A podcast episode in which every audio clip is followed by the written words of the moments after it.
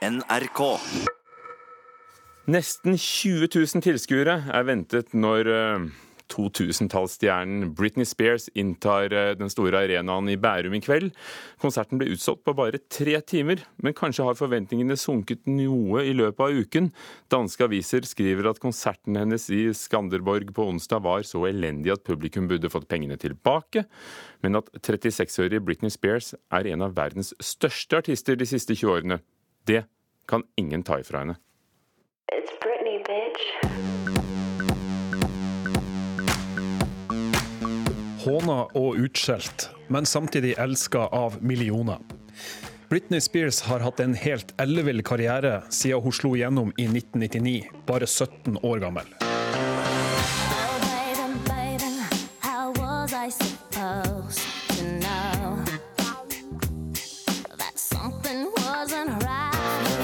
Baby One More Time ble en kolossal hit. Godt hjulpet av musikkvideoen, hvor Britney danser rundt i skolekorridorene med fletter og skoleuniform. Debutalbumet ble tidenes mest solgte plate gitt ut av en tenåring. Og det neste tiåret skulle hun bli den mest googla personen i verden. Baby, can't you see I'm Kontroversiell og suksessfull, og et råskinn av en entertainer som fortsatte å selge plater i bøtter og spann. Likevel skulle det bli privatlivet og hennes personlige problemer som fikk mest oppmerksomhet i en periode. Please, please, guys, don't do this. Lyden av Britney Spears som med barbert hode angriper plagsomme fotografer med en paraply.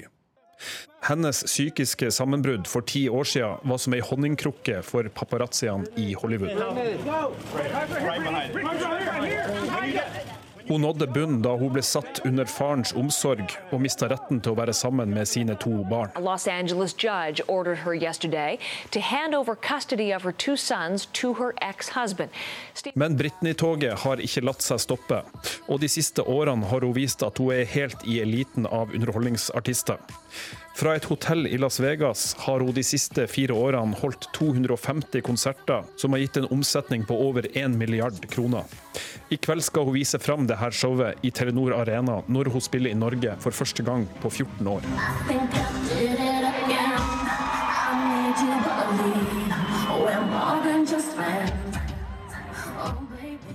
Oddvin Aune oppsummerte kritikken og historien til Britney Spears. Adelina Ibishi, musikkjournalist i NRK og programleder i Hallo P3, god morgen. God morgen. Du har også før stått aller eh, forrest i, under en Britney-konsert. Du skal være der eh, på arenaen på Fornebu i kveld. Eh, Hva er det med Britney som gjør at du hiver deg over billettene? Åh, det er så mange ting. Det er litt sånn guilty pleasure-stemning over mitt forhold til Britney. Og så er det jo et sånn veldig nostalgisk forhold. Det er ikke musikken eller eh, eh, Det er ikke statusen hun har i dag nødvendigvis, men det er mer den hun har vært tidligere, eh, som er grunnen til at jeg på en måte vil se Britney, og alle mine venninner vil se Britney, og ja, vi vil ha et lite show. Hva er det med, med henne og musikken og, og hva hun var, da, som gjorde henne til den hun ble? Det er vel flere ting. Eh, Britney har jo uten tvil levert utrolig mange hits, som jeg syns er veldig bra når man hører på det i dag også. Men så er det hele det greiene rundt henne òg. Hun var på en måte hele USA, eller hele verdens eh, girl next door, følte jeg. Alle var så nysgjerrig på Britney, alle ville være Britney. Eh, og så er det at hun er en danser, hun er en sanger, hun er liksom en showperson. At det er, eh, det er på en måte hele pakka ved henne eh, som gjør henne ganske interessant. Men i dag, da? Vi hørte jo fra Danmark at, eh, at folk mente de burde fått pengene tilbake, og folk dro fra konserten. Ja. Det, ja. altså, jeg tror ikke man skal dra på en Britney Spears-konsert uten en liten sånn ironisk distanse. Da tror jeg du gjør en liten feil, hvis du på en måte drar dit og tenker at det er topp kvalitet. Eh, Du må jo nesten bare dra dit og forvente eh, en sånn liten nostalgisk eh, tur. Høre på litt hits. Det blir playback, det blir kanskje litt sånn dårlige dansemoves, men det er det det er, og det må man nesten bare godta, føler jeg. Hvorfor har eh, pressen og, og andre hatt snakket så mye om privatlivet hennes gjennom disse årene. Hva, hva, hva er det med, med livsførselen hennes? Ja. ehm, jeg, altså det har jo, hun har jo levd et liv eh, som veldig mange andre barnestjerner. Hun ble jo ung, altså, eh, eller hun ble kjent da hun var veldig ung. Hun var vel med i sånn Disney-klubben med flere andre artister. Og så har du fått et image eh, fra et eller annet management om at den her skal du være, og så krasjer det sikkert med den du egentlig føler at du er. Eh, og så blir det bare helt eh, kaos. Og så føler jeg at det var liksom på den tida før Instagram, før sosiale medier, at det var paparazzi altså Det var helt annen paparazzi-tid enn det kanskje er i dag. Og alle de bildene av en skalla Britney som angriper en bil med paraply, går viralt. Eh, og så tenker jeg på det sånn i ettertid, da jeg tenkte, for jeg var jo veldig ung på den tida. Og bare, det er egentlig veldig usmakelig eh, at eh, det ble en sånn underholdningsgreie for hele verden at Britney Spears klikka. Men, men hva forventer du deg i, i kveld, bortsett fra din, din egen fryd? Ja, eh, jeg forventer meg eh, et show. Jeg forventer meg å høre alle de gode, største hitsa. Jeg forventer at folk som er der, er i godt humør. Eh, De vet hva de går til. Det er ikke verdens største artist akkurat i dag, men på et eller annet tidspunkt så har hun eh, ja, hatt en eller annen rolle i livet til folk, og det får man bare kanalisere litt i kveld, da. Og det er vel fengende låter hun har stått for i popsjangeren? Ja, det er jo det. det er, altså, de poplåtene de hører jeg på i dag. Takk skal du ha, Adelina Ibishi fra NRK P3 og Hallo P3.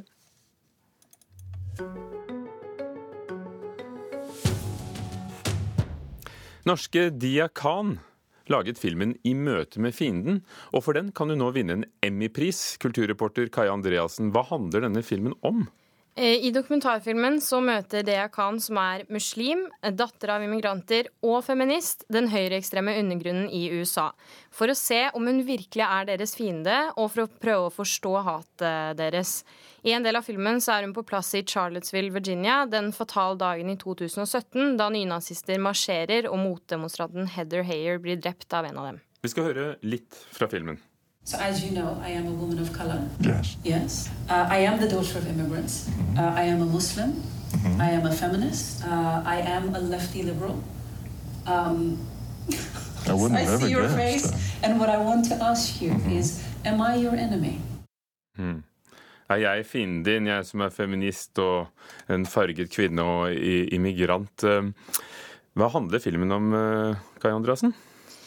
Den handler om eh, at hun møter disse undergrunnene i, eh, i USA, og på en måte prøver å forstå dem og være med på det, de demonstrasjonene de har, og det de gjør. Og det kan, det er ikke første gangen hun er nominert til, en Emmy-pris. Eh, nei, i 2013 så ble Khan den første nordmannen til å vinne en Emmy for sin første dokumentar 'Banas A Love Story' om æresdrapet på en ung kurdisk-britisk jente i 2013. Eh, Den norsk-pakistanske Oslo-jenta hun eh, var jo først eh, artist. Hun herjet først hitlistene med 'Get Off My Back' på 90-tallet, men flyttet til Norge pga. trakassering og trusler fra konservative muslimer, og begynte sin karriere som dokumentarregissør. Det var Dia Khan. Mange i verden skal hedre journalisten Kim Wall med å løpe. Hva handler det om? Ett år etter eh, den svenske journalisten Kim Wall ble drept av oppfinner Peter Madsen under en reportasjereise, hedres hun verden over med minneløp. Beijing, New York og hjemstedet Trelleborg er blant byene der løpene skal holdes. Og sånne løp de går jo ofte til inntekt for noe. Folk oppfordres til å støtte løperne og gi penger til. Men til hva da? Eh, De pengene, eller påmeldingspengene, går til eh, Kim Wahl sitt minnefond. Eh, Fondet skal årlig dele ut reisestipender til kvinnelige journalister med base i New York og Beijing. Rapporterte Kim Wahl selv som frilansjournalist fra bl.a. Stillehavsområdet, Afrika, Asia og USA. Walls mor hun mener at suksessen til Løp for Kim er et bevis på inntrykket datteren hennes gjorde på mennesker verden over. Takk skal du ha, kulturreporter Kaja Andreassen. I dag kommer romanen So Europa av Gjert Nygaard Schaug. Dette er femte og siste roman i syklusen som eh, startet for nesten 30 år siden med boken Mengele Zoo', der forfatteren lar indianergutten Mino ty til terror som svar på utryddingen av regnskogen i Amazonas. Men denne gangen er det Europa som står for tur. Og, og kan en si at dette er historien om klodens tilstand i romanform? Kritiker Marta Norheim. Ja, på en eh, måte så kan jeg nesten si det. For han tar inn uh, hele bildet. Men han er jo også en romanforfatter og, uh, og dikter jo litt på. I tillegg så legger han denne historien ca. en generasjon inn i framtida. Eh, og der er det jo full krise. Det er jo det vi ser i romaner om framtida nå. Det fins ikke noe lys framtid i, i skjønnlitteraturen. Og det som skjer her, er altså at han samler folk fra alle de tidligere romanene, legger til noen eh, nye. eh, Sender de ut i grupper i et kriseramma Europa, men også Afrika. Og eh, lar de overleve. Og det høres jo temmelig fryktelig ut, men det er både helvete og paradis. For at rundt omkring i denne kollapsa sivilisasjonen så springer det jo masse rådyr og harer og fugler. og det går an for eh, folk som vet å overleve og leve riktig godt. Er det klima som sørger for at det er krise? Ja, det er både klima, og så er det klimaflyktninger, og så er det hvite, aggressive mot islamister. Det er mange ulike konflikter. Det er den internasjonale kapitalen som herjer med f.eks. urskoger. Det er hele, hele komplekset. Eh, og flere miljø sitter jo her nå på eh, biologiske våpen som kan utrydde mennesket, men ikke naturen. Og det går jo an å hevde at det er vi som er problemet. da, altså At det er mennesket som har skapt alle de krisene som, som han behandler. Eh, og her er det altså, vil jeg si, overbefolkningsproblem som er det mest eh, sentrale. Og det er ganske dramatisk, eh, i hvert fall låter det dramatisk? Ja da. Noen mener vi må prioritere evolusjonen framfor etikken, og da er vi der. Altså, han problematiserer dette med at mennesket står i en særstilling i i, på kloden, og det er jo en ganske dramatisk diskusjon å ta. Skal vi prioritere et menneske foran et tre? Hmm. Mengele So av Gert Nygaardshaug. Uh, avslutningen av denne syklusen, er det en god bok?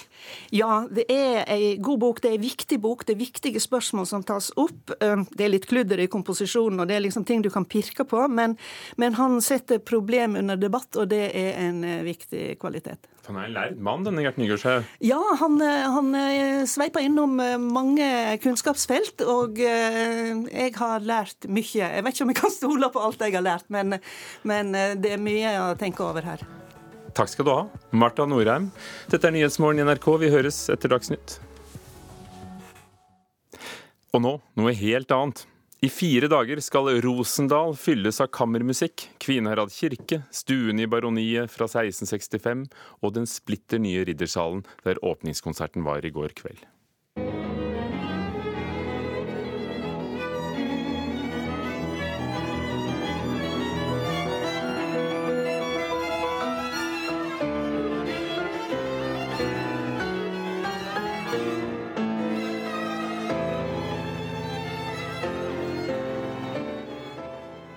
Leif Ove Ansnes, dette er din festival. Den arrangeres for tredje gang. God morgen. God morgen. Hva er det vi hører fra her? Her hører vi uh, ungarsk musikk. Eh, det er komponisten Ernø Dornani. Som uh, ja, det må jeg ærlig si har vært en oppdagelse for meg uh, sjøl denne sommeren. Um, og det er fordi at uh, temaet for denne festivalen er i skyggen av krigen. Og krigen det er snakk om, det er første verdenskrig, som uh, endte for 100 år siden. Uh, så jeg har rett og slett tatt den tidsperioden, 1914 til 1918, og sett hvor mye musikk, og mye fantastisk musikk som ble skrevet. Så det er stort sett det vi spiller i Rosendal.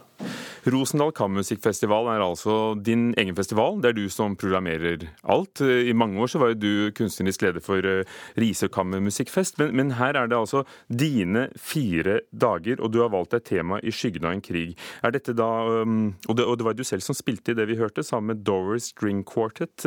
Eh, men musikken fra første verdenskrig, er den skrevet pga. krigen eller på tross av krigen? Nei, det er jo det som jeg, eh, jeg, sa til publikum i går. altså Jeg tror vi gjør en stor feil hvis vi tror vi skal høre krigen i musikken denne uka. Det vil være altfor begrensende. Fordi det er jo sånn at musikken er liksom et, eh, et språk som er utenfor å overordne det, det andre vokabularet vi, vi bruker. og kom, Samtidig skrev jo komponistene like mye på tross av krigen som på grunn av den. og og selv om deres liv ofte var, var veldig prega av, av, krigen, grep jo inn i deres liv, en del av dem var også i krigstjeneste, så, så var jo helt klart musikken et frirom. Og, så det er klart Her kan vi høre mørke sider ved noe musikk, men det er også det er musikk i alle farger og karakterer. Og det er på en måte det mangfoldet som jeg har hatt lyst til å, å vise fram. Og dette er en verden i forandring, og kunsten var i enorm forandring. Og det er så mye som skjer. Fra russisk musikk til byene Wien, Paris skjer det enormt spennende ting. I, også i nordisk musikk, ungarsk Til og med i USA sitter der en anarkistisk komponist som heter Charles Ives og skriver uh, veldig spennende ting. Så det er mangfoldet jeg vil ha fram her.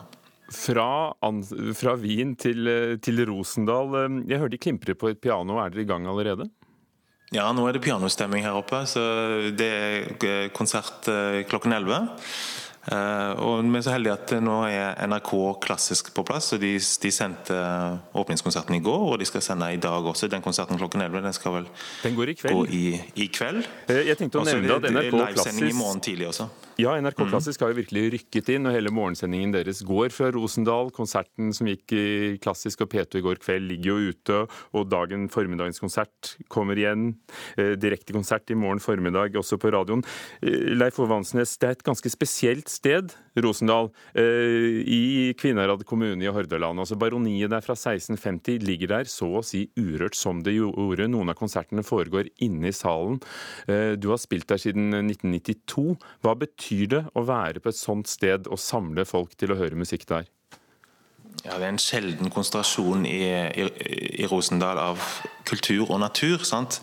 Eh, det er veldig intenst og flott. Og det å kunne invitere inn eh, altså, musikere fra, fra, hele verden og, og altså, Publikum kommer jo fra ja, fra mange fra store, store, deler av Norge, men også utlendinger. Men å komme inn her, det, det, gir noe helt spesielt. Og roen her, og fjellene og fjorden og, og Fossefall. Også den deilige baronihagen, en engelsk hage, det, det fine lille slottet. Og så fikk vi for, for, to år siden en helt ny uh, sal på avlsgården, som er gården som er tilknytta baroniet, som i, gamle, i, det gamle fjøset, ble til en flott sal med plass til 400-500 eh, mennesker. og Det er jo der de fleste konsertene er nå. Jeg er blitt veldig glad i den salen. Og når du da spør dine internasjonale kolleger om å, å komme dit, er det, er det, litt av det som gjør at de sier ja? At det er eh, ikke bare du som spør, men at dere skal dra til, til Rosendal eh, inne i fjordene? Jeg tror det er en samla pakke. Eh, det går rykter sant, om at dette er et veldig vakkert sted. Og, det er jo noe vi virkelig kan tilby eh, i Norge, disse, her, disse perlene. Og jeg syns det har noe for seg å ha festivaler på sånne steder, også hvor publikum og musikerne kan falle til ro noen dager. Man er der for å være i ro på dette stedet og synke ned i musikk uh, i fire dager. Du, Den konserten som er nå klokken 11 og som blir sendt i NRK i, i kveld, hva kan vi vente oss? Ja, der er det um, mye ekspresjonisme. Det er kanskje et litt utydelig uttrykk, men det var jo en, en, på en måte en bevegelse av mange komponister som på forskjellig vis uh, dro i strikken for å tøye spenningen mer og mer. altså De fjerner seg litt fra tonalitet, fra dur og moll, og, og de, de, kjente formene. Så sterk uttrykk som jeg kjenner de igjen fra malerkunsten. Sant? Tenk på uh, Edvard Munch. Um, vi, vi, får lytte, så, så den, vi får lytte i kveld, Leif Vansnes. Takk for at du var med fra Rosendal Kammermusikkfestival, eh, direkte fra låven på Avlsgården.